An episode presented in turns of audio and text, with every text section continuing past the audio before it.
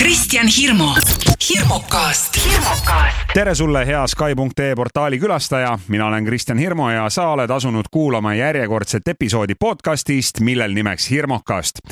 hirmukasti leiab lisaks Sky portaalile ka loomulikult Spotify'st ja SoundCloudist ning nagu tavaliselt on Hirmukastis alati külas ka mõni tuntud, tubli, tegus ja põnev Eesti inimene nii saab olema ka seekord, sest mul on stuudios külaline ja hea meel on tervitada siin Piret Järvis-Milderit. tere, Piret. tere, Kristjan! No ma võin kohe öelda, et eh, sinu suur sõbranna ja võitluskaaslane Lenna on tegelikult juba Hirmokastist läbi käinud ja siis ma mõtlesin, et, et kui Lenna on siin käinud, et miks siis ei peaks ka Piret olema meie, minu külaliste hulgas? No miks mitte tõesti, aga kas sa võtadki järjest siis bändist kõik niimoodi ette mingi intervalli no, tagant? ütleme nii, et äh, üks neljandik on juba tehtud, et, et minna veel on, aga, aga miks ma su külla kutsusin, ma mõtlesin, et sa oled tegelikult ju väga põnev ja huvitav persoon.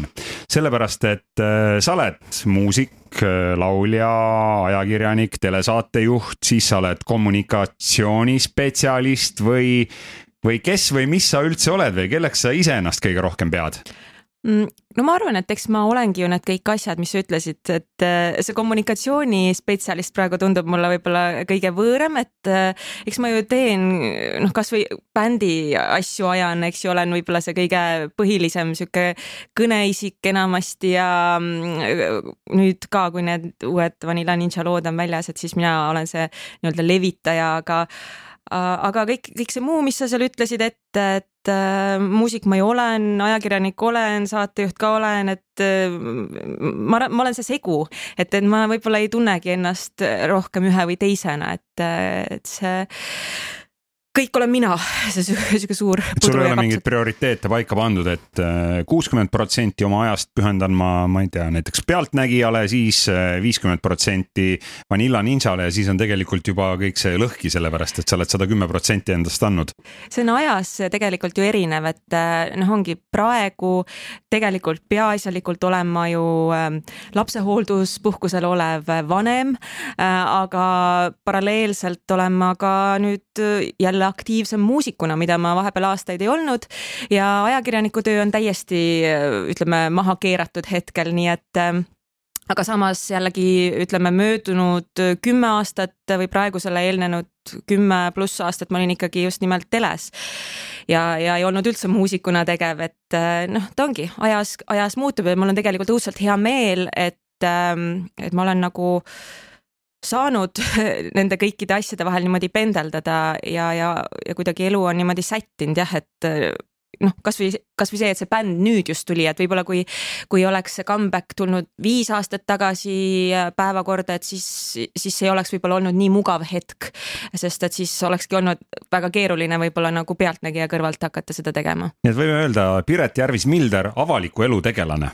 palun ja vist, vist võib niimoodi öelda Mm, kuigi jah, sellena ennast ise otse ei identifitseeriks, aga, aga noh, eks ta vist ole jällegi õige. aga kuidas sa tunned ennast avalikkuse tähelepanu all, et eh, kas see mm. meeldib sulle, on see selline pigem nagu koorem, nagu me siin oleme tihtilugu kuulnud, et eh, mm. inimesed satuvad ühel hetkel selle alla ja siis on sellega raske toime tulla? eks ta on jah, ta tuleb alati ootamatult noh, eks ma vist võin öelda, et praeguseks hetkeks ma ju peaks olema sellega harjunud, aga ma arvan ikkagi, et natukene, et ma ei ole kindlasti selline, esiteks ma olen väga introvertne inimene, äh, mis tähendab, et ega mulle ei sada protsenti ei meeldi tähelepanu keskpunktis olla või isegi ma ütleks, et väga ei meeldigi.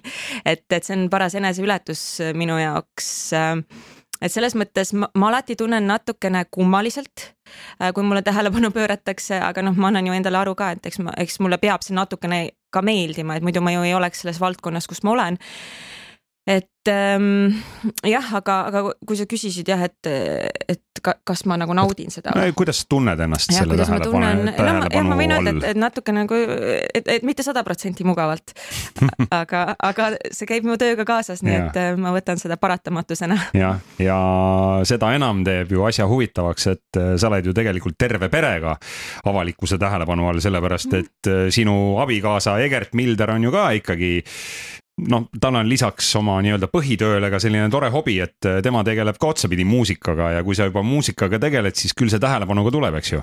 Ja, ja mulle ongi õudselt tegelikult meeldinud, kui, kui on noh, ette tulnud seda, et keegi tunneb tänaval ära Egerti, tuleb teda kõnetama ja, ja siis nagu noh, nagu mind ei märka seal, mulle tegelikult väga meeldib see, sest et äh, minu arust see on väga tore, et, et mina ei pea olema see nii-öelda nagu sa rääkisid, eks ju, tähelepanu keskpunktis olev isik. et äh, minu arust see on jah hästi tore, mõnikord ongi noh, tuleb keegi ja umbes, et mm, eriti just tegelikult äh, see oli siis aktuaalne, kui Egert eelmine aasta Eesti Laulul osales oma selle Georgia on my mind'iga, millel läks seal väga hästi ja, ja jah, pärast seda oli väga tihti seda olukorda, kus äh, tuldi teda kõnetama ja, ja muljetama temaga ikkagi, kuidas see lugu inimestele korda läheb ja siis äh, noh, umbes oligi niimoodi, et mulle anti fotokas, et tee pilti ja, ja aga see, ma ütlen, mulle isegi see väga meeldis. aga no te ju mõlemad tegelete muusikaga, aga ei ole ikkagi päris sada protsenti sellele pühendunud, et mm -hmm. teil mõlemal on nii-öelda siis oma päris töö ka, eks ju, Egert siis mässab oma selle äh, kinnisvaraga ja, ja, ja sinul on siis nii-öelda see saatejuhtimine ja, ja teletöö praegu, et mm, -hmm. et kas see on selline teadlik valik, et nii-öelda peab olema väike back-up sest äh, muusikaga ainult ennast ära ei elata või, või kuidas see niimoodi on läinud või, või on see pigem nii, et, et muusika on selline tore hobi ja siis te te tegelete sellega nii, et, et äh, käite Eesti Lauludel ja, ja veel siin ja seal, sest äh, ma usun, et kindlasti on ju väga palju selliseid mm -hmm. inimesi, kellel on veel muusikahobi, aga nemad ei lähe Eesti Laulule no ma arvan, me ei ole seda niimoodi planeerinud, et, et see kõik on lihtsalt kuidagi läinud just nii, nagu ta on läinud jah, et äh, aga, aga minu arust just see aasta kaks tuhat kakskümmend äh, ja see koroona tulek näitas, et tegelikult see on mõistlik valik omada nagu või, või hoida raudu mitmes tules, et, et ei oleks nagu noh, muusikutel veel eriti ikkagi ju läks väga raskeks äh, nüüd selle pandeemia kontekstis, et selles mõttes äh, Äh, noh, hea on omada küll jah, mingisugust teist tagalat, aga aga noh, minul on tegelikult alati olnud see telehuvi ja, ja kohe tegelikult pärast keskkooli lõpetamist ma teadsin või tundsin, et ma tahaksin, tahaksin noh, minna edasi õppima meediat ja, ja mul õnnestus kohe ka tööle saada televisiooni ja see asi on mind alati huvitanud. samal ajal ma olen ka alati väga suur muusikafänn ja muusikasõber olnud, et et kumb see mõttes... muusika siis sinu jaoks on, on ta töö või hobi hmm.? no mingi, ta, ta antud hetkel ma ütleks, ta ei ole mu töö, sest ma ei elatu sellest või vähemalt mitte veel, et noh, kuna me alles tõmbame seda Vanilla Ninja asja ju käima, et, et see on alles nii alguses see kogu comeback, et tegelikult ju alles juunis ilmus meie esimene comeback singel ja, ja kontserte me ei ole selle aasta sisse planee-, planeerinud, pigem järgmisse aastasse. jällegi seoses selle käimasoleva pandeemiaga et, et nii ja naa, et kui võtta, et töö on miski, mis sulle leiva lauale toob, et siis hetkel ta ei ole mu number üks äh, töö äh,. aga, aga samas ma võtan seda väga tõsiselt, nii et võib-olla ta ei, ei ole ka päris hobi, et, et ikkagi ma panustan sellesse, et, et ta üks hetk võib-olla jälle oleks töö. Egertile on ka muusika ikkagi hobi? no tema jällegi ka teenib ja selle pealt, et äh, temal, ma ei tea, ei ta ikkagi, tema jaoks on see ka töö, et äh, nii et, et mõlemat, mõlemat ma siin keerutan, aga, aga nii on, noh, et, et ma ei, ma ei saagi muud vastata, et tegelikult see, see nii on, et, et ta võib-olla ei ole sada protsenti hobi nagu ei mulle ega talle, et me ikkagi võib-olla teeme grammi võrra tõsisemalt mõlemad seda kui, kui hobi korras. no meil on kodus mõlemal nii minul kui teil Egertiga mm -hmm. põhimõtteliselt sama vana laps mm. -hmm. salvestame Hirmukasti augusti lõpus aastal kaks tuhat kakskümmend üks ja Milli sai just äsja aastaseks, eks ju minu laps sai ka äsja aastaseks ja. mis kuupäeval tal oli? temal on seitseteist august sünnipäev, teie tütrel on neliteist yeah. august, no vot, siis on nad põhimõtteliselt mm -hmm. täpselt sama vanad. Äh, kes praegu Millit hoiab? Egert. Egert. ja mina hoidsin terve päev otsa, aga, aga jah, kuna ma tõttasin siia sulle külla, siis äh, ta võttis üle. kuidas äh, Egert isa rollis hakkama saab ja kuidas neil praegu läheb, et, et kas saad tihti palju kõnesid või sõnumeid, kui nad on kahekesi kodus ja, ja siis ei, sa vaatad, et ei saa, ei saa jah? ma vaatan, ega praegu ei ole midagi midagi, ei no tegelikult ei saa minu arust Egert, mulle vahepeal tundub, et Egert saab nagu kõigega kuidagi palju mänglevamalt hakkama kui mina. et, et kui nemad on nagu kahekesi koos, siis neil on lihtsalt nii lõbus kogu aeg ähm,. emade et, meelest ongi kogu aeg isadega jah. lastel lõbus sest isa, sest isad, isad on need, kes üldse midagi ei keela ja on kõigega nõus, et emad on need pahad alati, kes peavad korra majja lööma, vähemalt mul on selline ja. mulje jäänud oma pereelu vaadates. võib-olla nagu mina kuidagi jah, olen nagu teise, teise taktikaga, kasvõi see, et noh, toon mõne näite, et, et kui ongi hammaste pesu, eks ju, üheaastasele lapsele see ei meeldi, ma ei tea, kuidas teil on. meie meeldib? omale ütleme nii, et äh, hakkab vaikselt meeldima. oo, okei okay,, väga hästi. aga meil on seal mingid omad nipid. no ma pärast küsin neid siis, sest et äh, meie omale veel ei meeldi. ei meeldi jah. no aga ega kas... üldjuhul ei meeldi jah, muidugi ja., lõpuks ta võtab selle harja ja peseb ise ka kaks korda ja siis viskab selle kuhugi vannitoa kõige kaugemasse nurka. võib-olla jah, me ei ole tal veel lasknud ise pesta, et me ikkagi veel hetkel peseme ise ja siis ta ikkagi rapsib korralikult vastu, aga Egert oskab alati ta seda tähelepanu nii hästi nagu eemale juhtida, et ikkagi laps äh, on rõõmus, õnnelik sel hetkel ja siis saab, saavad need hambad ka kuidagi pestud, aga mina ikkagi ei ole sellest tähelepanu eemale juhtimises nii, nii vilunud, et mina ikkagi alati vean selle protseduuri läbi suure nutusaatel. jah, millised oskused siis Milli juba omandanud on esimeseks eluaastaks? oh, ta on hästi sotsiaalne laps, talle väga meeldivad inimesed mm,, talle meeldib suhelda ehm,. ta on väga jutukas et eh, minu arust ta konstantselt lobiseb kogu aeg, ehm, mingeid sõnu juba ütleb ka. Eh, no ütleme, et ta päris sada protsenti veel ise ei kõnni, et me ikkagi veel äh, nagu hoiame tast kinni, et ta ninali ei käiks, aga noh, ilmselt see on sihuke nädalate või, või päevade küsimus. aga kas ta juba noodist laseb. oskab lugeda või mingi muusikaga, kuidas tal on, on oma Oi. esimesed teosed kirjutanud juba? on, on, et, et tõesti olete on. salvestanud midagi ja, kindlasti? oleme küll, aga talle jah, instrumendid ka väga meeldivad, üks sõna jah, mida ta oskabki öelda, on kitat ehk siis kitarr, et kui ta näeb kitarri, siis ta on kohe nii kitat. ja nii et ähm, ja kuna meil on hästi palju kitarre kodus ja ja jah, et selles mõttes muusik, musikaalne on ta või vähemalt muusikainstrumentidele väga lähevad korda, sest nendega on lõbus mängida kas äh, käib mingi kindel selline suunamine või töö ka mingis, mingis valdkonnas, et noh, kindlasti peab sinust saama nüüd muusik või laulja või artist või, või, või pigem või ah, hambaarst? Ei, tegelikult meil ei ole sellist suunamist, minul on väga põnev jälgida, mis tast tuleb või kuhu ta ise tahab minna. minu arust see on põnevam kui see, et hakata ise vorpima no te tulite tegelikult ju aasta alguses ajakirjas Pere ja Kodu välja ühe väga sellise isikliku ja, ja kohati ka sellise väga tõsise teemaga. lihtsalt tahtsin teada, et, et kas ja kui palju see teemaga väljatulek üldse julgust nõudis ja, ja mis tagasisidet te saite hmm,? tead, see oli kuidagi väga selline et me, me, isegi see ajakirjanik ju ei küsinud meie käest seda, et ähm, me kuidagi no kuna oli koroonaaeg ja, ja oligi äh, see intervjuu toimus niimoodi algselt kirjalikus vormis.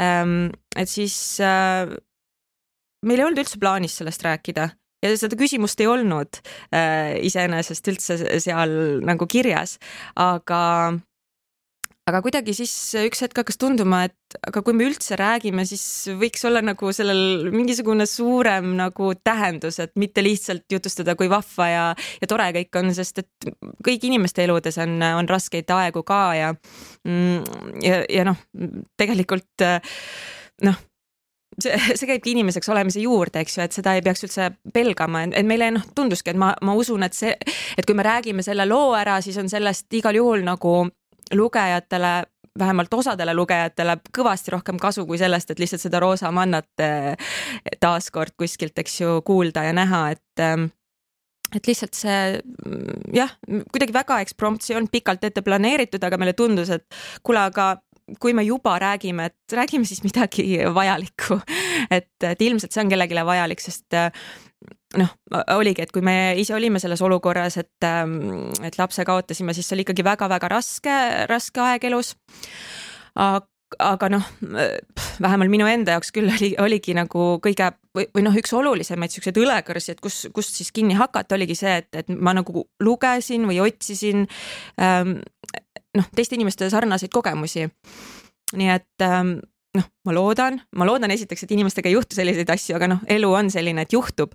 ehk et ma loodan, et kui kellelgi on midagi sar sarnast juhtunud, et siis või võib-olla see meie lugu nagu toob mingit lootust. olete saanud näiteks. mingit nii-öelda tagasisidet ka täitsa Va- inimesed on jaa, kirjutanud või, või keegi on jaa, öelnud? väga palju tegelikult, noh, tegelikult see oligi ju noh, siis oli see tagasiside suur, kui, kui see lugu välja tuli, et, et mm, jaa, väga palju, et ma kokku ei ole lugenud, aga noh, kümneid ja kümneid, ega kõik ei kirjutanud, kõik ei olnud saatusekaaslased, kes kirjutasid, aga aga noh, lihtsalt sellist toetavat äh, tagasisidet tuli väga palju ja, ja, ja no tegelikult oligi niimoodi, et ah, ma ei tea, mu enda jaoks mingi, mingisugune nagu rahu saabus sellega, et ma selle, selle nagu ära rääkisin, et äh, muidu on täpselt see, et sa tead, et mingid inimesed on nagu kuskil arvavad, et aa, neil, mis neil juhtus või et noh, et noh, mõned inimesed ju ikkagi nägid mind juba suure kõhuga, eks ju, esimese rasedu ja raseduse ajal ka onju.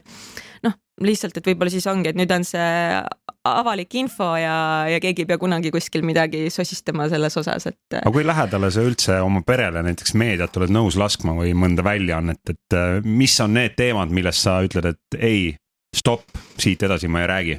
no ma olen äh, üsna avatud olnud mõnes mõttes jah, et noh, tegelikult ju oleks variant ka see, et äh, noh, täiesti mitte üldse on ju oma, oma pereasjadest rääkida, aga samas ah, mul on sihuke tunne, et ma tahan, tahan ennast tunda vabalt ja ma ei viitsi tegeleda sellega, et kogu aeg pead murda ja vaevata, et oh, et kuidas ma ikkagi nüüd oma, oma last nagu siin varjan, kui ma kuskil avalikus kohas olen, et keegi jumala eest ei nagu näeks, Michael mis Jackson, nägu, et ta kat, kattis Just. ka ju oma lapsi kogu aeg no kinni ja, et ja, seda ja. elu ma ei tahaks, nii et selles mõttes on nagu lihtsam, et kui, kui ongi algusest peale, et eh, v- ma, ma isegi ei kujuta seda ette, et mõned ütlevad, äkki su laps on kunagi tulevikus pahane, et, et umbes tema beebipildid on avalikud, onju, aga ja, ma, ja ma ju siis ei ta ole esitab sinu vastu hagi kohtusse ja, Ja, ja, nõuab valuraha ja, no täpselt, aga no ma tõesti, ma arvan, et ma midagi siukest väga noh, sellist ei paneks temast kuhugi avalikku ruumi üles, mis, mis võiks teda pahandada, vähemalt ma ise arvan, et äh, ma ikka noh, avaldan täpselt nii palju, kui on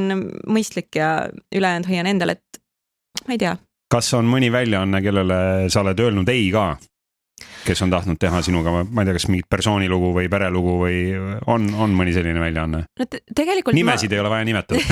ma, ma, võib-olla see on jälle seotud sellega, et ma olen väga introvertne inimene, mulle tegelikult ei meeldi ilmtingimata endast väga rääkida ähm, et ähm, võib-olla, võib-olla ka see on üks näide sellest, et kui vaadata minu Instagrami profiili äh,, mul on seal väga vähe pilte, ma ei ole see inimene, kes kogu aeg äh, söögi ette ja taha ennast pildistaks ja siis seda jagaks maailmaga, et ongi, ma mingeid asju olen nõus nagu avama, aga jah, et, et päris see ma arvan jah, et päris nagu lõpuni ikkagi jah, järelikult ma siis ei ole valmis en- endast äh, avalikkusega jagama või ma ei näe sellel pointi.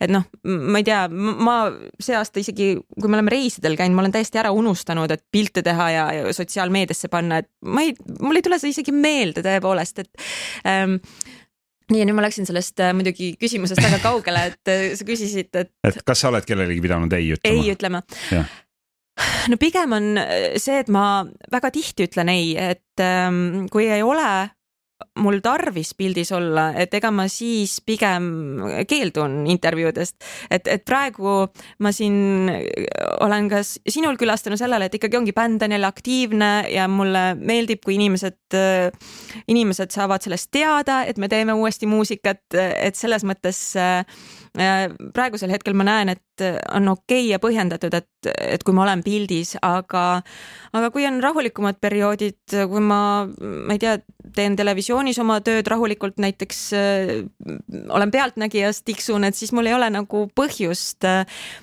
pidevalt pildis olla ja jutustada ja endast rääkida, et siis ma olengi, mul on nagu varasemalt olnud enda jaoks kuidagi selline poliitika, et ma annan ühe siukse suure intervjuu aastas ja selliseid pudinaid, noh, võimalusel pigem väldin. no mul on väga hea meel, et Vanilla Ninja on tagasi tulemas ja Piret Järvis-Milder ei öelnud hirmukastile ei, et siia, ei, Ei. siia podcast'i ma kindlasti ei tule. ei no nalja teed sinule, ma arvan, ma oleks isegi öelnud äh, va- varasemalt jaa. ilma bändita isegi. isegi ilma bändita jah, sest et äh, meil on ikkagi pikk ajalugu.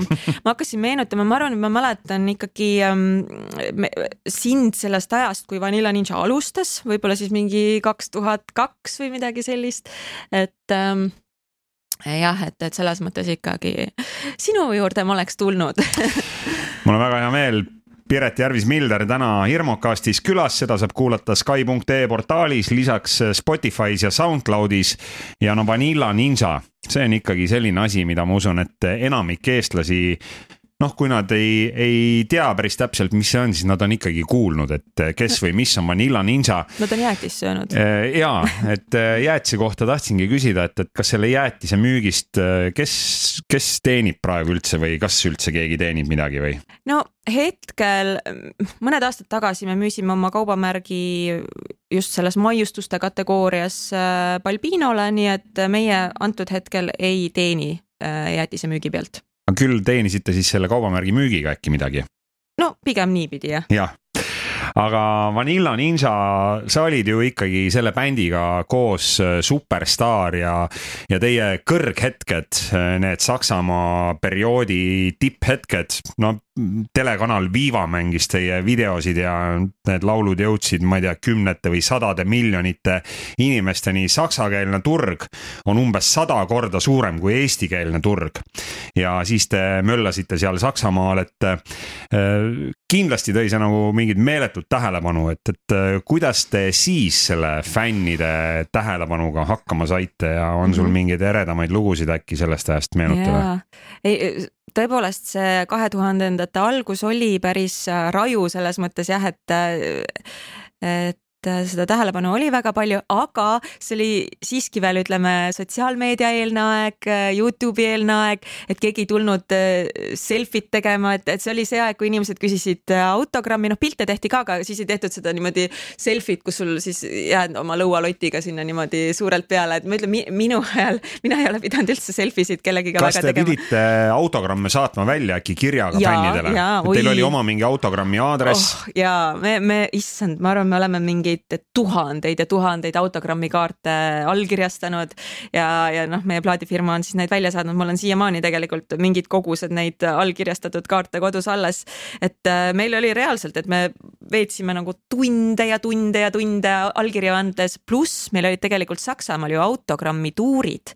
me tuuritasime mööda Saksamaad niimoodi, et äh, mm, siis erinevates plaadipoodides olidki siis meil autogrammitunnid, kus siis fännid tulid meie juurde ja, ja siis saime seal neile allkirja anda ja pilti teha ja nii edasi. et see oli jah, omaette nagu töö, see kogu autogrammindus. kuidas need omaaegsed fännid, kas äh, kirjutatakse ka siiamaani, saate Saksamaalt kirju, Poolast kirju, need territooriumid, kus siis nii-öelda kuumad olite, Šveits ja Austria ja? ja no mulle tundubki näiteks ka praegu neid äh, tagasituleku videode kommentaare lugedes, et ikkagi enamik vastukaja tulebki just nimelt äh, kuskilt mujalt. et eestikeelseid kommentaare on minu arust väga vähe, et mul on natuke sellest kahju, aga no võib-olla see ongi, et Eesti, eestlane peab meid siis veel üles leidma või, või nagu võib-olla see sõnum ei ole veel jõudnud siis, et me uuesti tagasi oleme. et vaikselt tuleb siin vaeva näha, aga ja, et Ähm, kusjuures, mis on hästi huvitav, et väga paljud äh, Vanilla Ninja fännid või noh, ma ei tea, väga palju on võib-olla suhteline, aga väga mitmed äh, Vanilla Ninja fännid ju kolisid meie tõttu Eestisse elama, et äh, neid näiteid on väga mitmeid. üks tüdruk, kes, kes vist nüüd ma ei tea, kas ta juba lõpetas või hetkel veel õpib, poolakas siis, kes õpib Tartu Ülikoolis arstiks mm, siis on üks vanem meesterahvas, kes ka kolis siia Eestisse elama, õppis eesti keele selgeks. Neid, kes on eesti keele meie pärast selgeks õppinud, poolakad ja sakslased, neid on nagu mitmeid ja mitmeid ja mitmeid. et noh, selles mõttes väga vinge nagu see pühendumus ja, ja väga paljud on noh, kõik need aastad, mil me ju ei tegutsenud, ikkagi seda näppu pulsil hoidnud meie tegemistel ja. aga kuidas see käib siis, kas te suhtlete nende fännidega no, või, või nad kirjutavad? Äh, jah no,, pigem, pigem sa näed, eks ju, et paned mõne foto sotsiaalmeediasse üles, et siis. siis, siis Herbert äh, aus just, Deutschland on sinna alla on midagi jälle kirjutanud. ja tihti nad kirjutavadki näiteks saksa keeles, et sa saad aru, et sakslased, eks ju, või, või poola, poola keeles ei ole kirjutatud. aga jah, et ähm, et neid inimesi nagu on, kes on väga-väga pühendunud äh, ja. austajad olnud. oleksid sa osanud arvata ka, et, et kui sa kunagi sinna Vanilla Ninja casting ule läksid, mis minu teada toimus äh, Cafe Amigos Tallinnas, sa käisid mm -hmm. seal casting ul? tead, tegelikult see ei olnud casting, et ma tean, et me, meist nagu räägitakse, et oli mingi casting, aga tegelikult seda oli... räägib Sven Lõhmus kusjuures, et äh, tema koos Andreas Lukiniga korraldas äh, nii-öelda casting'u, kuhu siis tulid mm -hmm. erinevad tüdrukud, sinna tuli Piret Järvis koos Katrin Siskaga mm, -hmm. siis sinna tuli Maarja Kivi koos Lennaga ja ei, siis kaks aga... paari pinginaabreid sinna bändi nii-öelda sattus, et kas see on siis mingi legend või? või kuidas see..., kuidas te sinna Vanilla Ninjasse siis saite üldse? no seal Amigos mina kohtusin küll esimest korda Sveniga, aga seal olidki ainult neli tüdrukut. aga no siis oli nii-öelda, ilmselt oli see esimene Maarjat... voor oli juba läbitud. ei, seal ei olnud Maarjat ja Lennart, et seal olidki mina, Katrin, äh, siis äh, üks meie paralleelklassiõde Triin, kes meid sinna kutsus ja selle Triinu üks sõbranna veel. et olime nagu neli tüdrukut, äh, laulsime seal natukene ja siis oligi, et kuulge, aga meile sobib, et äkki teeme, teeme siis ikkagi, löömegi käed ja teeme bändi. ja nii algas nagu minu tutvus Sveniga, aga mingit sellest mõttes casting ut, et oleks mingid järjekorrad ukse taga olnud ja keegi seal veel olnud, ei olnud. et kohe need neli inimest, kes me sinna läksime, me olime need, aga, aga ütleme, et mingi aasta või umbes nii me siis äh, justkui nagu haudusime seda plaani, et, teha seda bändi, kuni siis need kaksteist tüdrukut otsustasid, et ah, see asi ei liigu, onju, ja andsid alla. ja siis ähm, aga siis tuli jah, mingi hetk info mm, plaadifirmalt Top Ten, et nemad tahaksid teha bändi Maarja Kiviga, kes oli neile ammu silma jäänud, ma ei tea, laulukarussellidelt ja noh, Maarja ikkagi mingil määral oli tuntud, eks ju, lapslauljana. ja, ja siis oligi, et äh, otsustati, et kuulge, aga viime teid siis kokku, et äkki teil klapib ja, ja hakkame siis uuesti aretama seda bändi mõtet. Ähm, ja Maarja tuli sinna kohtumisele ja see kohtumine ei olnud Amigos, see oli äh, plaadifirmas Top Ten, Pärnu maantee vist nelisada nelikümmend neli äkki oli see aadress, ähm, kus, kuhu siis tulid jah, äh, Maarja võttis oma sõbranna Lenna kaasa ja mina ja Katrin siis teiselt poolt ja samamoodi kedagi, ühtegi muud kandidaati seal ei olnud, need neli inimest istusid seal laua taga, vaatasime üksteisele otsa, no okay. proovime nii et, äh, nii et tegelikult äh, Vanilla Ninja algne koosseis oli hoopis midagi muud, seal oli Triin Randloo minu Just, teada, jah, koos oma no, sõbrannaga. küll Vanilla Ninja, eks ju, sel hetkel, et siis see lihtsalt oli äh, oli sihuke nagu idee tasandil, et võiks hakata tegema okay. bändi, aga noh, oligi Triin äh, loobus, onju, ja, ja tema sõbranna, kes vist oli Mari, vot Mari perekonnanime ma isegi ei mäleta, et ma ei, ma üldse ei kujuta ette, aga jah, et nii, nii oli jah. no näed, inimesed mäletavad asju natukene ja, ja. erinevalt, kuigi tegelikult ei ole see kõik juhtunud ju väga ammu või noh, kuigi ikkagi no, tegelikult no, juba päris ammu. kaks, kakskümmend aastat tagasi. hea küll, oli kuidas oli, casting oli siis, Sveni meelest oli see casting, sinu meelest sa läksid lihtsalt kohale, sellepärast et oli vaja kohale minna, aga kas sa sellel hetkel, kui sa nii-öelda jala sinna ukse vahele said, kas sa üldse kujutasid ette ka, kui suureks see kogu see asi läheb ja see pull ja te jõuate sinna Saksamaale välja ja mm, ja te jõuate nendele autogrammid tuuridele ja suurtele lavadele ja teie videod jooksevad viivas ja ma ei tea, miljonid ja miljonid inimesed näevad teie asju. no muidugi ma lootsin, no ma mäletan küll jah, et, et juba see idee, et oi, et ähm, me saame Sven Lõhmusega kokku ja, ja tal on plaan meiega bändi hakata tegema, ma mäletan, see oli juba sihuke vau wow. et noh, ikkagi Sven ju on alati või no üheksakümnendate algusest saati juba olnud äh, ju kõva tegija, igast Mr Happy Manid ja Black Velvetid on, eks ju, ju igale ühele teada aga, aga noh, tol hetkel jah, eks mul oli lihtsalt pigem võib-olla see mõte, noh, see esimene hetk, kui me Sveniga tutvusime, et oli pigem see lootus, et noh, et loodetavasti hakkab see asi Eestis tööle.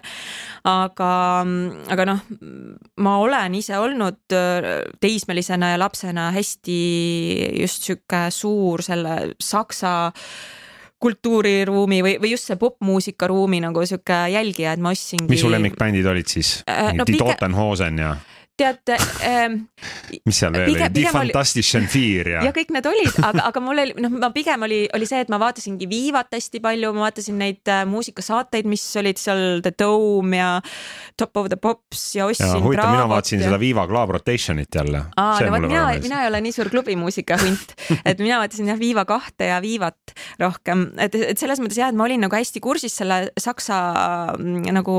skeenega. skeenega jah mm. Ja ja ma arvan, et eks ma sisimas loomulikult unistasin mm, -hmm. et oo, tahaks ka seal, eks ju, figureerida. võib-olla sellest unistamisest oli kasu, et. et ühel, ühel hetkel hakkasid siis ju asjad juhtuma niimoodi, et äh, teid justkui nagu siis äh, müüdi maha Saksamaale või, või kuidas, kuidas see, kuidas see protsess ja. välja nägi? no top ten andis teid ära David Brandesele või, või müüs või? ma ei tea, kuidas, kuidas täpselt need tehingud olid, aga, aga noh, ma tean, et Rene Meriste, kes oli meie mänedžer. Tema käis kuskil Saksamaa muusikamessil, kus ta tutvus David Brandesega ja siis hakkas Davidile peale käima nagu uni. et äh, tal on äh, üks Eesti bänd väga suure potentsiaaliga tema arvates, äh, väga suure siukse rahvusvahelise potentsiaaliga, et palun võta nad jutule, vähemalt kutsu nad ühe korra enda juurde stuudiosse, katseta, kui ei meeldi, saada tagasi, aga palun võta nad vähemalt vastu ja, ja noh, seda räägib David siiamaani, kuidas Rene käis talle pinda nagu uni, et noh, tal oli juba tõesti niimoodi, et kuule ma ei jaksa rohkem sind nagu kuulata, et too need tüdrukud siis siia, onju, et okei okay,, teeme ära ja noh, et ikkagi nii palju, kui mina tean, siis see oli Rene Meriste suur töö ja selline survestamine ja survestamise tulemus, et. Rene et... Meriste, kes on siis täna Maarja Kivi abikaasa. just nimelt. ja, ja, ja elavad õnnelikult äh, LA-s. ja, ja., ja just, et nagu ikkagi Renele peab äh, väga tänulik olema selle eest, et ta selle asja jah, niimoodi nii kaugele viis siis, et ähm, et jah, et lõpuks oli tõesti see, et äh, David siis oli nõus, davai, teeme tegi teile lugusid ja, ja David Brandes on ju tegelikult Saksamaal olnud väga edukas produtsent yeah. ja ta on teinud väga palju erinevaid žanre, ta on, ta on ju teinud hästi palju diskomuusikat, Bad Boys mm -hmm. Blue, siis äh, selline üheksakümnendate projekt jah, nagu Erotic yeah., siis kui mina hakkasin suuremaid diskolavasid vallutama, siis olid kõik need yeah. Fred Come to Bed ja yeah. Max Don't Have Sex with Your Ex yeah, ja yeah. sellised laulud, et, et kuidas see David Brandes siis nagu professionaalselt äh, produtsendina ja muusikuna oli, et, et äh, kas ta oli siis tõesti, oli ta nii hea või oli tal hea meeskond või, või ta tegi ja tootis kõik need asjad ise? Ei, tal on ikkagi meeskond, et ähm, ta on sihuke mastermind, tal on alati hästi kindlad visioonid, eks ju, mida ta tahab sellest äh, loost, kasvõi ainuüksi, eks ju. segan vahele korraks, et äh, kas ta on rohkem, on ta ärimees või on ta rohkem selline muusik, muusikaprodutsent? No, eks ta ikkagi, ta on muusikaprodutsent ka, aga noh, ta loomulikult on väga edukas selles ja ta teenib, eks ju, ka äriliselt, ma arvan, väga-väga hästi, aga aga ei, noh, kõik ju meloodiad, meie lugude omad samuti, eks ju, on ju tema, tema looming, et ta on väga selline loominguline inimene ja, ja noh, tal on ikkagi kõva anne just selliste hittide tegemisele, et siin ka ei, ei saa nagu salata. et ta on, ta on väga andekas tüüp ja ongi, ta on hästi-hästi visioonikindel, hästi kangekaelne, et mis nagu teebki aeg-ajalt temaga töötamise keeruliseks Eh, noh, oli ka põhjus, miks me nagu kunagi aastate eest temaga otsustasime vahepeal nagu lahku minna. Ehm, kuna noh, ongi, et, et tal on nagu alati nii kindel kuidagi visioon, mida tema tahab ja kuidas tema tahab.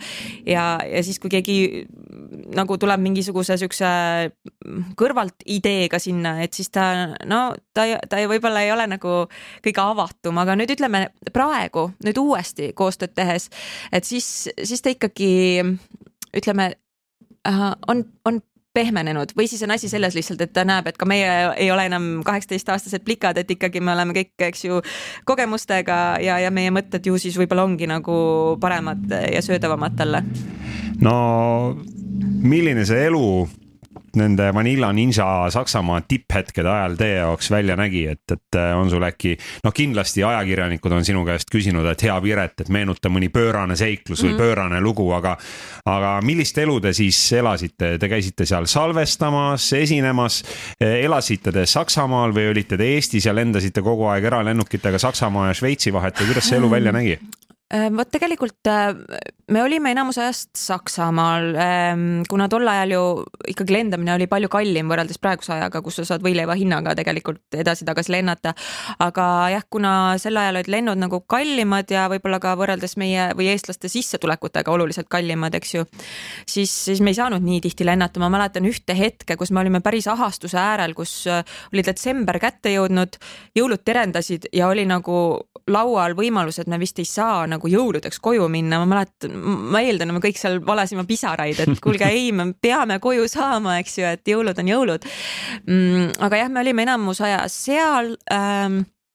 alguses äh, me peatusime vist sealt äkki Davidi stuudios. aga mingi hetk ikkagi meile renditi nagu eraldi maja. jah, ja siis, kui me Davidiga koostöö lõpetasime, siis me siis me kolisime Kölni, et noh, meil on olnud erinevaid aegu seal, et äh, aga aga jah, et sel hetkel, kui me Davidiga veel koostööd tegime, siis me elasime jah, seal Šveitsi piiri ääres nagu Lõuna-Saksamaal. aga kas elu oli siis täis glamuuri, ma ei tea, limusiinid ja vastuvõtud ja šampanjajoad ja, ja kalamarjamäed ja kõik see, nagu me oleme harjunud tea, nägema MTV-st ja, ja kuskilt äh, muudest äh, mingi glamuuri teema on võib-olla jah, nagu rohkem sihuke võib-olla räpparitele meeltmööda ja, ja selline, et võib-olla noh, me ikkagi oleme seal poprocki ja rocki žanris rohkem, et võib-olla me ka ei janunenud nagu selle kaaviari ja siukse kulla ja karra järele nii väga, et meile meeldis see, et kui meil on võib-olla nagu noh, tore hotell, kus, kus saab, eks ju, õhtul veidikene pidu panna ja, ja, ja, ja selles mõttes äh, me saime hästi palju ringi reisida, see oli tore ja ütleme, et me ei pidanud küll nagu puudust kannatama, et, et selles mõttes oli nagu lõbus elu oli. kas te teenisite raha ka sellel ajal? jällegi, see oli periooditi erinev. alguses, kui me läksime Saksamaale, siis me ei teeninud, ma arvan, mingi aasta aega me ikkagi kütsime seal lihtsalt niimoodi, et noh, oligi, tegime neid autogrammitunde telesaateid, raadiotuure, noh, oligi üks lõputu ringi reisimine. Mm, et äh, siis oli lihtsalt noh, oligi see eeltöö selleks, et kunagi teenima hakata, eks ju. Ähm, et jah, aasta aega, ma arvan, me olime täiesti rahatud. Ähm, aga, aga siis äh, jah, kui hakkasid kontserdid tulema, noh siis, siis hakkas ka midagi vaikselt tiksuma. et äh, jah, et natuke pidi hoogu võtma, aga see on noh, ma arvan, loogiline, et pead tööd tegema, kui tahad midagi te teenida. millised on teie suhted praegu näiteks Rene Meristega, kes oli teie omaaegne mänedžer, et ma tean, et see nii-öelda laialiminek ei olnud just kõige sõbralikum omal ajal teie ja teie mänedžeri vahel nojah, see oli, ma arvan, nii palju emotsioone oli üleval, et ähm, noh, ongi, et sa võtad, et see bänd on sinu pere ja te oletegi tõesti ninapidi koos hommikust õhtuni, äh, nädalast nädalasse. ja, ja kui siis see pere nagu lõhki läheb, eks ju, siis loomulikult inimesed saavad haiget, et äh, ma arvan, eks me kõik, äh, kõik osapooled said mingit pidi haiget. ja probleemiks oli siis see, et Rene Meriste nii-öelda tegi teie teadmata mingeid diile või, või mis seal need täpsed põhjused olid? tead, seda ma ei mäleta, ma pigem mäletan lihtsalt seda, et noh, kuna Maarja otsustas üks hetk ju ära minna, et, et noh, täiesti arusaadav. hakata soolot tegema ta, no tal oli mitu põhjust, ma just hiljuti ka lugesin, ta oli intervjuu andnud, et, et ikkagi tal oli väike läbipõlemine, kuna ta lõpetas kooli ja siis jäi lapseootele ja ja noh, ongi väike soov jah, oma karjääri nagu ajada ja nii edasi, et äh, eks see kõik nagu kuhjus ja, ja noh, ma arvangi, et, et, et lõpuks see oli nii, et, et võib-olla meie tundsime natuke ka, on ju, et äh, noh, et võib-olla ma ei tea, meid on maha jäetud et äh, aga noh, me oleme Maarjaga rääkinud aastaid hiljem äh,. küll, küll mitte nüüd väga tihti ongi, et ta elab ju nii kaugel, aga me oleme vähemalt ühe Skype'i kõne temaga teinud. ja noh, ongi nii palju aastaid on mööda läinud, kõik, kõik on ju üle saanud sellest, mis, mis on olnud, et mm, ja Renega ma olen suhelnud Äh, ka mõned aastad tagasi, kui ma Terevisiooni tegin. Ähm, kuna ta on seal Los Angeleses üks aktiivsemaid eestlasi, et siis äh, ma mäletan mm, isegi võib-olla paaril korral, kui mul oli vaja Los Angelesega mingit kontakti saada, et intervjuud teha, noh näiteks ma mäletan, oli, olid mingid suured äh, metsatulekahjud et noh, et lihtsalt kommentaari saada, kuidas seal kohapeal siis olukord päriselt on, et siis, siis ma suhtlesin Renega ja ja jällegi, et kui väga-väga toredasti saame läbi, ma arvan. aeg parandab kõik haavad. absoluutselt, pole mõtet vimma kanda. Äh, no David Brandese juurde tagasi tulles, kes oli siis teie Saksamaa esimese selle suure laine edu taga mm. -hmm. David Brandesega oli ju seotud ka üks skandaal, mis äh, noh, võib-olla tundub esmapilgul üsna kummaline ja ma ei tea, kui paljud Hirmukasti kuulajad seda mäletavad, aga täna on külas Piret Järvis-Milder ansamblist Vanilla Ninja ja saame rääkida sellest, kuidas siis teie produtsent ostis ise kokku Saksamaal omaenda artistide plaate selleks, et et need plaadid tõuseksid edetabelites kõrgematele positsioonidele. oli selline ja. lugu? no see lugu jah, ju on teada-tuntud, aga samas no ta ei saa ju, ma arvan, et ei ole füüsiliselt võimalik, et see inimene ostab, noh selleks, et Saksamaal jõuda kuhugi edetabeli tippu, peab olema reaalselt sadu tuhandeid ostjaid, eks. Saksamaal, kus on kaheksakümmend miljonit Just, inimest. selleks, et sa jõuaksid kuhugi edetabeli esikümnesse, noh, ongi sinu plaati peavad ostma kümned tuhanded inimesed, sajad tuhanded inimesed. et noh, isegi kui ta ostis, ma ei tea, ostis sada plaati ise kuskilt kokku, manipuleeris nii-öelda tulemust, et jah, või ma ei tea, ma arvan, igaüks on ka, kuulab praegu Spotify's ise oma lugusid aeg-ajalt on ju, et, et nagu seda count'i tõsta või no ma ei tea, kas nii tehakse või mitte, aga, aga noh, see võrdub umbes samaga on ju.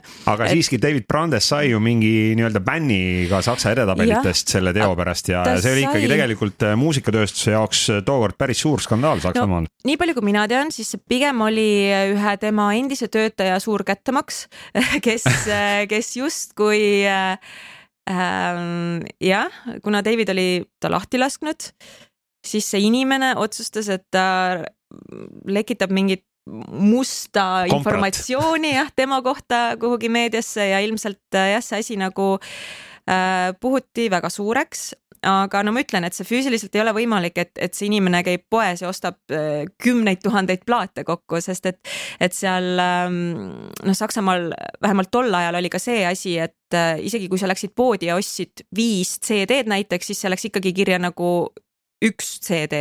ühe ostuna, kui sa ostsid viis ühesugust albumit, siis sa oleks justkui ostnud üh, nagu ühe, ühe albumi. jah, et see oleks okay. nagu selles mõttes see ei ole niimoodi, et äh, tüüp läks poodi, ostis sealt kõik, äh, kõik müügil olevad Vanilla Ninja albumid kokku ja siis läkski sada müüdud albumit kuhugi kirja, et ei, et see ei ole ka tehtav, et see noh, selles mõttes, kui sa hakkadki mõtlema, et siis ta oleks pidanud käima lihtsalt mingeid kümneid tuhandeid äh, plaadipoode läbi ja, ja neid nagu ostma sealt ühekaupa neid plaate, et selles mõttes noh, ma, ma mõtlengi, et loogiline on see, et ta ostis võib-olla noh ma ei tea, sada tükki või, või paarkümmend tükki ja nii-öelda noh, see on ka, ma saan aru, et see on halb, aga, aga noh ma arvan, et lõppkokkuvõttes see ikkagi ei, ei mõjutanud nagu otseselt seda mm, noh, mingit ede, edetabelite sihukest suurt pilti.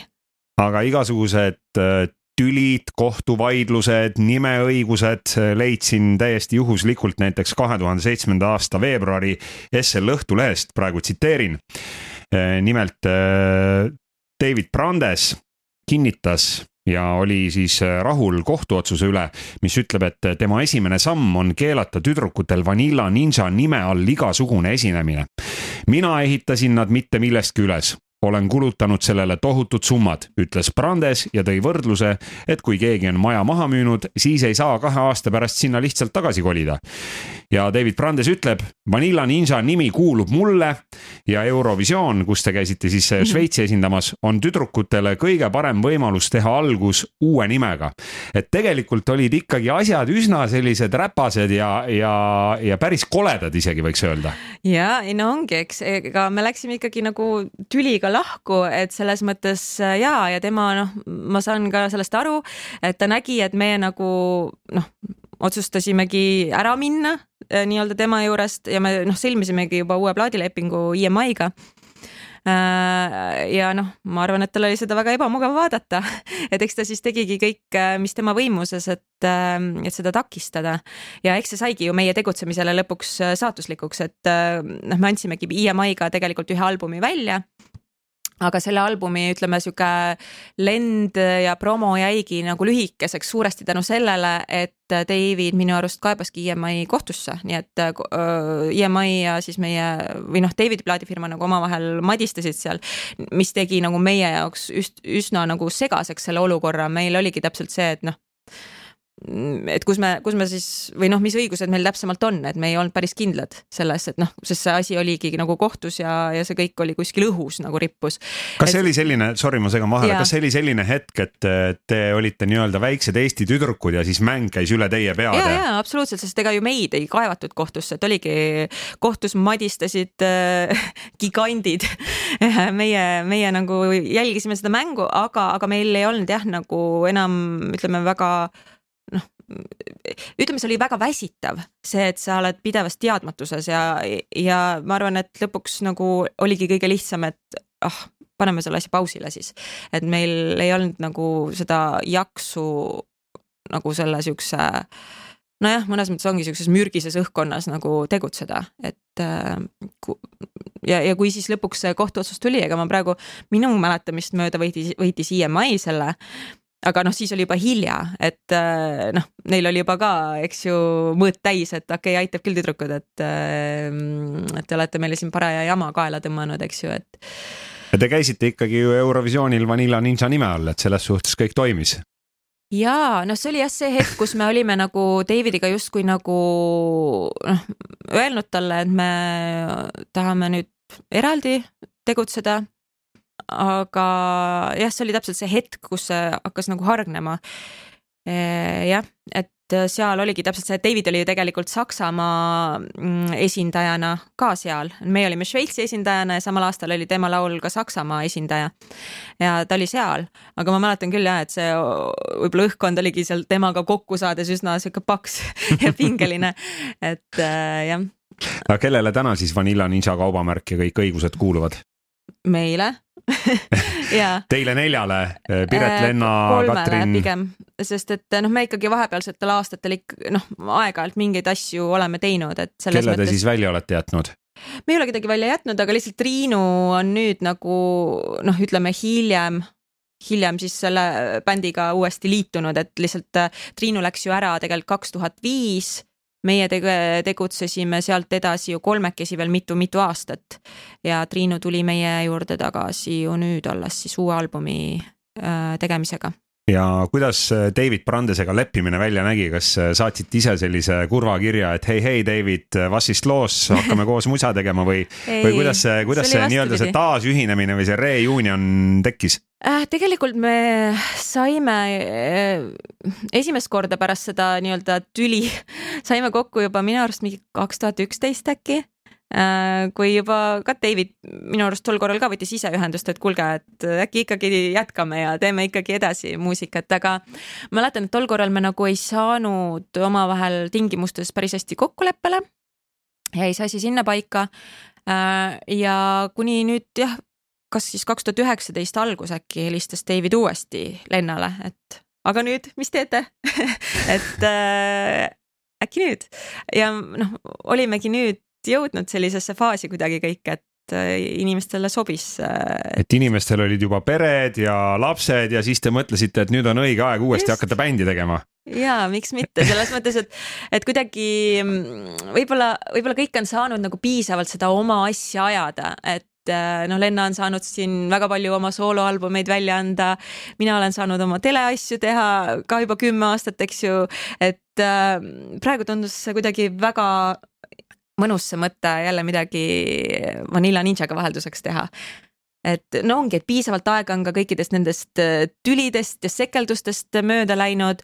enam ei ole mingisugust sihukest jah vimma selles osas kellelgi, eks ju sees, et. Äh, tütarlastest on sirgunud naised. absoluutselt. mõistus on pähe tulnud mitte, et meil oleks mõistus üldse kunagi ära olnud, ma arvan, et meie, meie nagu soovid tol hetkel ka olid väga põhjendatud ja ma olen väga rahul, et see plaat, mis me tegime pärast Davidi juurest äraminekut, see on siiamaani noh, minu enda hinnangul meie parim plaat. et kuna, kuna jah, see oli sihuke võib-olla kõige isiklikum. aga, aga jah, et, ähm, et äh, ongi, praegu on liiga palju aastaid mööda läinud, et ikkagi tunda mingisugust äh, viha kellegi või millegi suhtes. jah, et ma arvan, me kõik olime, noh, ongi, kui me esimest korda läksime Lennaga Davidile külla, kaks tuhat üheksateist äkki jaanuar oligi, et siis seda asja arutada, comeback'i tegemist, minu arust siis, kui me kokku saime, see oli täpselt sihuke tunne nagu poleks neid aastaid seal vahepeal olnud, et ikka täpselt omavahel sama tore, samad naljad äh, ja, ja ikka noh, sihuke kuidagi seesama sünergia, mis kunagi meie vahel oli ja mis, mis nagu hästi toimis, et see on ikkagi alles seal. kas tegite dry beer und ein paar schnaps ka või äh,? vot tegelikult ei teinud, sest et äh, see oli, oota, ma mõtlen, kaks tuhat, ei kaks tuhat üheksateist alguses me veel ei olnud kumbki laps ootel, aga ma mäletan äh, ükskord hiljem küll, kui me käisime vist novemb-, kaks tuhat üheksateist novembri lõpp, siis mina juba olin, kahtlustasin, et äkki ma olen lapseootel, nii et minu jaoks ei olnud mingit äh, õllesid ega šnapse ega mitte midagi, nii et. aga kuidas, kuidas siis nagu produtsent vaatab sellele, et noh, hea küll, et tüdrukutest on saanud küpsed naisterahvad, kõik mm -hmm. on mhm. pereinimesed, siis tulevad need lapsed, et nendega ei ole ju võimalik mingit bändi teha, need on ju kogu aeg kuskil kodus. pluss teie yeah. puhul on ju ka see ülikeeruline logistika, üks elab Setomaal, üks elab Tallinnas, üks elab äh, Šveitsis mm -hmm. ja kas Katrin elab ju üldse Portugalis, Portugalis, eks ju mm -hmm. jah, et äh, mismoodi see logistika siis nagu töötab? ma ei tea, see on jah täiesti hullumeelne tegelikult, kui nii võtta, et et see asi, kogu, kogu see asi nagu praegu jätkuvalt nagu rajal püsib ei ole kuhugi kraavi sõitnud selles mõttes, et jah, et äh, tõesti see ongi beebid ja asjad, et, et, et ma arvan, eks meil see plaat ju oleks võinud ka varem välja tulla ja valmis saada, võib-olla kui ei oleks äh, olnud koroonat, kui ei oleks äh, vahepeal olnud laste sünde, et äh, aga samas me tegime oma esimesed videod, kui minu laps oli kuuekuune, Lenna laps oli siis järelikult kolm, kolmekuune, jah, nad käisid seal videovõtetel vahepeal, eks ju, pidi neid imetama ja siis, siis filmisime edasi ja see kõik on väga tore olnud samas. et on loomulikult keerulisem, väljakutsu, väljakutset pakkuvam, aga, aga samas nagu väga lahe ja. Töö toimus siis kõik Saksamaal või Šveitsis või kus ütleme, et mingid lood me jõudsime enne koroonat ära salvestada, jah, Saksamaal stuudios, aga, aga mingi osa, suur osa ikkagi sai salvestatud niimoodi, et noh, mina ja Lenna siit Eestist mm, ja Triinu, kuna ta elab äh, seal Šveitsi piiri ääres või Saksamaa piiri ääres Šveitsis, siis äh, tema käis stuudios kohapeal. nii et saab Ainsana. teha, saab teha siin ka kaugtööd? No tuli teha, muud varianti ei jäänud, sest et äh, see sattus kõik täiesti sellele totaalsele lockdowni ajale jah, et siis, siis ei saanud jah kuhugi lennata. aga, aga saime valmis, nii et äh, kaheksandal oktoobril tuleb plaat välja. kes siis seda uut albumit rahastab, kelle rahadega see on tehtud, kas jälle David Brandes on pannud oma nii-öelda oma, oma säästud sinna alla ja üritab siis sealt nii-öelda kätte saada selle ja, ja siis tema, teile ka võiks midagi jääda. tema plaadifirma alt ilmub meie album ja et selles mõttes äh, nagu see muusikaäris on, et plaadifirma on see, kes äh, rahastab ja, ja siis äh, loodab selle jah tagasi teenida loomulikult esimese kolme singli pealt, mida te siin olete juba usinasti sellelt oktoobris ilmuvalt albumilt välja andnud ja mida mm -hmm. siin ka Eestis näiteks me hommikuprogrammis Sky plussis oleme usinasti mänginud. noh, mina võiks öelda, et vana hea Vanilla Ninja, et, et kuidas mm -hmm. ise tunnete, et kas fännide tagasiside on positiivne? jaa, äh, minu arust on olnud väga positiivne ja mul on niisugune tunne, et äh, võib-olla nüüd just see kolmas singel The Reason is you, mis äh, tuli nüüd siis augustis välja, et võib-olla see on nagu kõige Vanilla Ninjalikum nii-öelda meenutab seda vana Vanilla Ninja sound'i ja, ja, ja seda, see on nagu, no tõesti, ma ei ole näinud mitte ühtegi negatiivset kommentaari seal, okei okay,, võib-olla kahte seal Youtube'is. äkki Lenna on ära kustutanud need? ei, meil, see on äh, meie plaadifirma ah. kanal isegi, et kui, kui siis nemad, aga ma, ma ei tea, võib-olla tõesti, ei, ma ei usu, et nad on kustutanud. aga, aga samamoodi noh, tegelikult, mis me natuke kartsime, see eel, eelmine singel No Regrets, see country singel, et natuke oli võib-olla hirm, et okei okay,, mida mida nüüd meie endised fännid meist arvata võivad, eks ju, et see on ikkagi natuke teine, teine stiil ja võib-olla natuke teine suund, kui Vanilla, Vanilla Ninja vanasti tegi. aga ma ei tea, ma pole elu sees vist ühegi Vanilla Ninja loo kohta nagu noh, ütleme siin Eestis äh, saanud inimestelt nii palju nagu positiivset tagasisidet, äh, noh just sihukest hästi südamest tulevat tagasisidet, kuidas inimesed nagu ja just sellised inimesed, kes ei ole tüüpilised Vanilla Ninja fännid, vaid, vaid ma ei tea, minu perearst ETV üks operaator, sellised inimesed jah, kes ei ole tüüpilised Vanilla Ninja austajad, aga nad tulevad ja kuidagi südamest räägivad, et see lugu on neile nii hinge läinud ja neid nii palju puudutanud, et nii tore tore, et inimesed äh, on nagu kuidagi võtnud vaevaks kuulata. ja, ja kas meeldib. siis tulevad jälle Saksamaal need autogrammituurid ja, ja suured esinemised ja lendate oma perede juurest ära, mehed jäävad koju lapsi hoidma, samal ajal ja. kui Rocking Moms on the stage. jaa, no eks näis jah, kuidas see välja hakkab nägema, et pff, jah, vot ei teagi,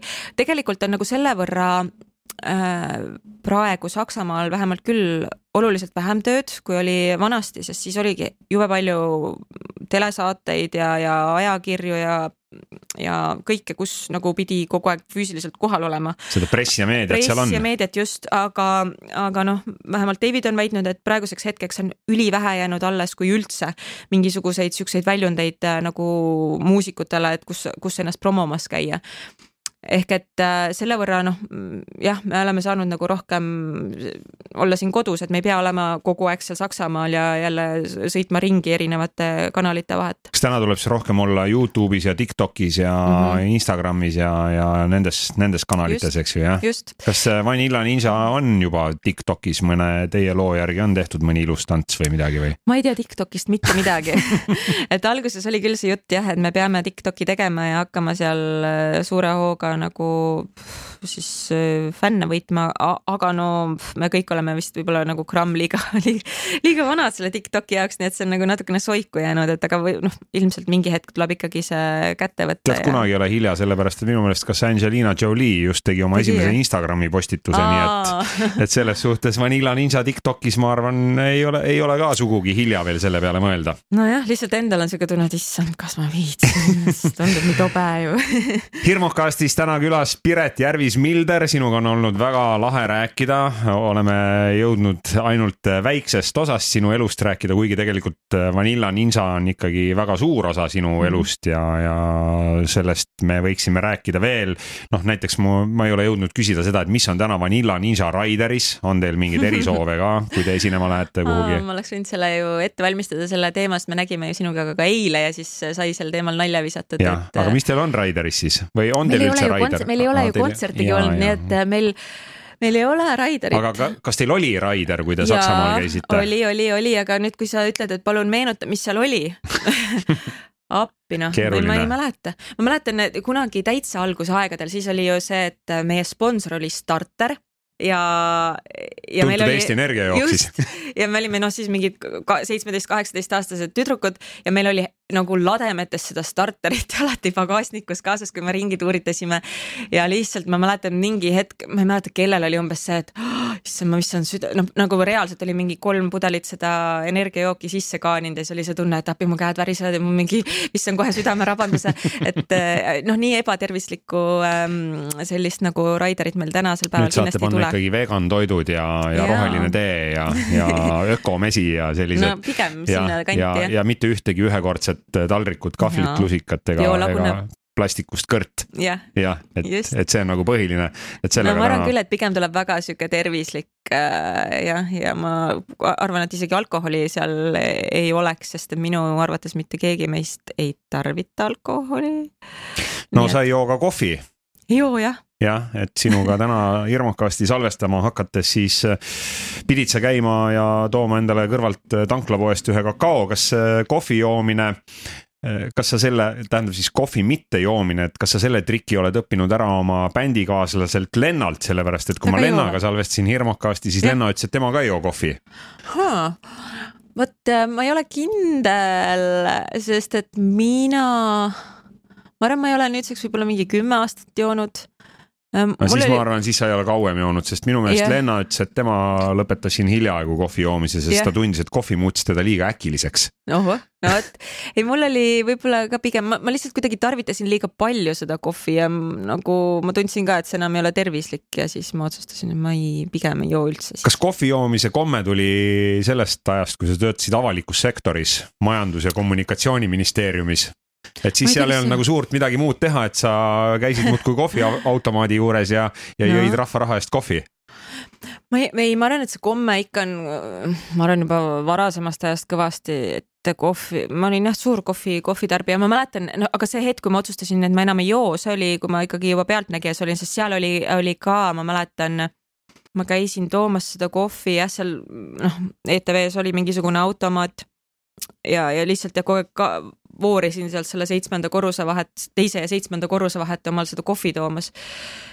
Aga jah, ei, see, see oli juba nagu liig, mis liig, et no oligi see, et ma tundsin, et ma ei suuda nagu mõelda, kui mul, kui ma seda kohvi nagu sinna kõrvale ei joo, et äh, kuidagi see sihuke sõltuvus nagu tekkis sellest. no ETV-s sa oled siis ikkagi nii-öelda oma juurte juures tagasi, sellepärast et sa oled ju, nagu sa just ütlesid, podcast'i salvestusel, et äh, peale kooli juba läksid televisiooni juurde mm. -hmm. sa oled ju minu kolleegi Alari Kivisaarega koos saateid teinud. kuidas sa teda meenutaksid kui kaassaatejuhti, olid toredad ajad? Jaa, muidugi, Alari on väga, väga tore, et selles mõttes jah, me tegime kaks hooaega äkki koos või, sellist saadet nagu Meeletu maailm. juhatasime selliseid mingeid naljavideosid sisse, tegelikult ei olnud ainult naljavideod, need olid lihtsalt siuksed. meeletud. meeletud lood elust enesest jah, ja tegelikult me ju tegime ka Eesti, Eestis ise mingisuguseid reportaaže, nii et neid oleks päris põnev nagu tagantjärgi vaadata, aga väga selline, aga minu arust Alari jaoks algaski tegelikult see telekarjäär just nimelt sealt. jah, tänu sulle olid... temast ongi saanud täna just. see, kes ta on, eks ju. jah, et teil oli selline tore saade. aga see ministeeriumi töö, sest ja. seda sa ka tegid ikkagi ju, kuidas sa Aasta sinna, kuidas sa sinna ministeeriumisse sattusid niimoodi roki, roki tšikk järsku kuskil ministeeriumis mingit tähtsat mm. kommunikatsiooni ja, ja avalikke suhteid ja mis ja, sa tegid seal? oligi kommunikatsioon ja avalikud suhted. et ma mäletan, no see oligi sihuke aeg, et meil olid nagu bändi tegemised kuidagi vaikselt juba ära vajunud ja ma hakkasingi otsima mingit uut väljakutset endale. ja siis kuidagi jõudis minuni see info, et Äh, majandusministeerium otsib äh, suhtekorraldajat, sest noh, ma olengi tegelikult õppinud meediat ja suhtekorraldust, eks ju, ülikoolis. ja siis ma otsustasin, et no ma kandideerin, et miks mitte, et ära, ära katsetada midagi täiesti teistsugust enda jaoks.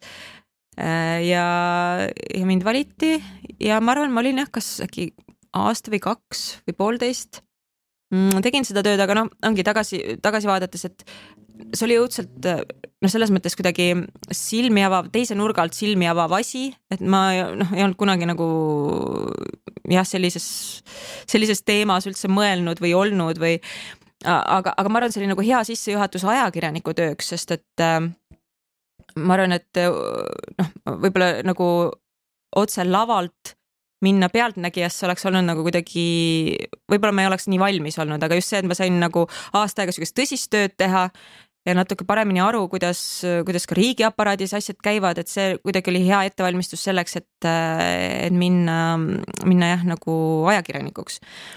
nii et jah, kõik asjad on kuidagi loogiliselt mõnes mõttes läinud, kui nüüd vaadata. Mm, et jah, aga, aga no kindlasti ametnikutöö on minu jaoks liiga-liiga kuiv, liiga-liiga nagu selline võib-olla kammitsetud, et noh, ma mäletangi, et kuidagi natuke vaadati veidralt, kui ma näiteks mingite tanksaabastega ilmusin kohale. et selles mõttes äh, see, see kindlasti ongi tänuväärne, tänuväärne töö ja need inimesed, kes seal töötavad, minu arust kõik väga tublid ja ja targad ja, ja selles mõttes ma arvan, et riigi aparatuur enamasti tegelikult on nagu heades kätes, kuigi nad saavad palju puid alla, aga aga noh, mulle tundub, et väga palju asjalikke ja tarku inimesi äh, tegelikult töötab ministeeriumites. millal sind jälle Pealtnägijas näha ja kuulda saab? ma ei tea ähm,, eks näis, minul on äh, praegu emapuhkus on jaanuari lõpuni, et ähm, ma arvan, enne seda ma ei tahaks äh, niimoodi nagu tõsiselt tööd tegema hakata, sest et ähm, ma arvan, et kui on antud see võimalus siin Eesti Vabariigis, et makstakse emapalka ja sa saad rahulikult oma lapsega koos olla. et siis ma tahan seda võimalust pigem kasutada, et ma veel, veel ei tormaks, ma ootaks ära selle hetke, kuni, kuni nagu on tarvis jälle tööle tagasi minna ja no kindlasti peab arvestama sellega ka, et, et kuidas läheb Vanilla Ninjaga, eks ju, et kui teil tuleb ikkagi world tour. kuuskümmend kontserti kahe ja. aasta jooksul, siis. Äh, ei, tegelikult see on tõsi, et äh, noh, ongi, vaatame, kuidas bändiga läheb, vaatame nagu, mida see koroona teeb ja, ja kuidas dikteerib, et, et noh kõik on praegu veel lahtine minu jaoks, et ähm, ma võtan niimoodi päev päeva, kuu kuu haaval vaatame, kuhu me välja jõuame jaanuariks. aga kui peaks juhtuma, et Vanilla Ninja uus album, mis siis nüüd oktoobris ilmub mm, -hmm. Ja see läheb suureks, et see läheb suureks kõigepealt Saksamaal, ma ei tea mm, -hmm. siis see läheb suureks veel kuskil mingites teistes riikides mm, -hmm. kas teil oli ka Lõuna-Ameerikas oli minu meelest mingeid fänne omal ajal mm -hmm. äkki, et et, et kui nüüd peaks juhtuma ikkagi mm, -hmm. et see asi plahvatab ja, ja plaadifirma teeb kõvasti tööd mm -hmm. ja, ja lükkab ja promob ja mm, -hmm. ja tahab seda raha, mis ta on nii-öelda sinna alla pannud, tagasi yeah. teenida ja et, et teie ka sealt midagi saaksite, et kas siis kõik tüdrukud, noh, nimetame teid tüdrukuteks ikkagi, et kas kõik on ikkagi valmis ka rindele minema? eks siis saab näha, mina küll olen valmis et äh, ma arvan, see oleks väga tore. Lennal on need mingid kanad ja lehmad ja mis tal yeah. seal kõik on, et, et kes siis nende eest hoolitseb? no küllap ta leiab võimaluse, sest ma tean ka Lenna on väga motiveeritud, et äh, temaga kindlasti tuleb, et ma selles ei kahtle. ta leiab alati võimaluse, nii et äh, ma arvan, et äh, seal kindlasti head naabrid Setomaal tulevad appi aitavad suvel heina teha ja yeah., ja viskavad talvel kanale terad ette. muidugi no sinuga, Piret, oleks äh, rääkida kindlasti veel ja veel ja veel, aga ma tean, et äh, Milli ootab kodus ja Egert peab juba minema ära järgmise, järgmisele objektile. nii et äh, peame sinuga tänasele Irmokasti salvestusele joone alla tõmbama, oli väga mõnus sinuga vestelda absoluutselt sinuga ka, aitäh kutsumast, väga põhjalikult ette valmistatud, väga hea intervjueerija. no seda on rõõm kuulda, kui sellised sõnad tulevad ikkagi pealtnägija ühe saatejuhi suust. kiidan, kiidan. ja sina, kes sa kuulasid ära värske Hirmukasti mis on siis kuulatav kas Sky portaalis või Spotify's või SoundCloudis. Ütlen sulle ka suur-suur tänu ja jää ootama järgmist episoodi, kus on juba nagu klassikud ütlevad, täitsa uus külaline ja täitsa uued teemad ja täitsa uued jutud. suur tänu, Piret Järvis-Milder tulemast ja soovin sulle ilusat sügise algust ja edu Vanilla Ninja uue oktoobrikuus ilmuva albumiga suur,. suur-suur aitäh, edu läheb vaja hirmukast. Kristjan Hirmu ja külalised, kel alati midagi öelda. Kuula hirmukasti portaalis Skype.ee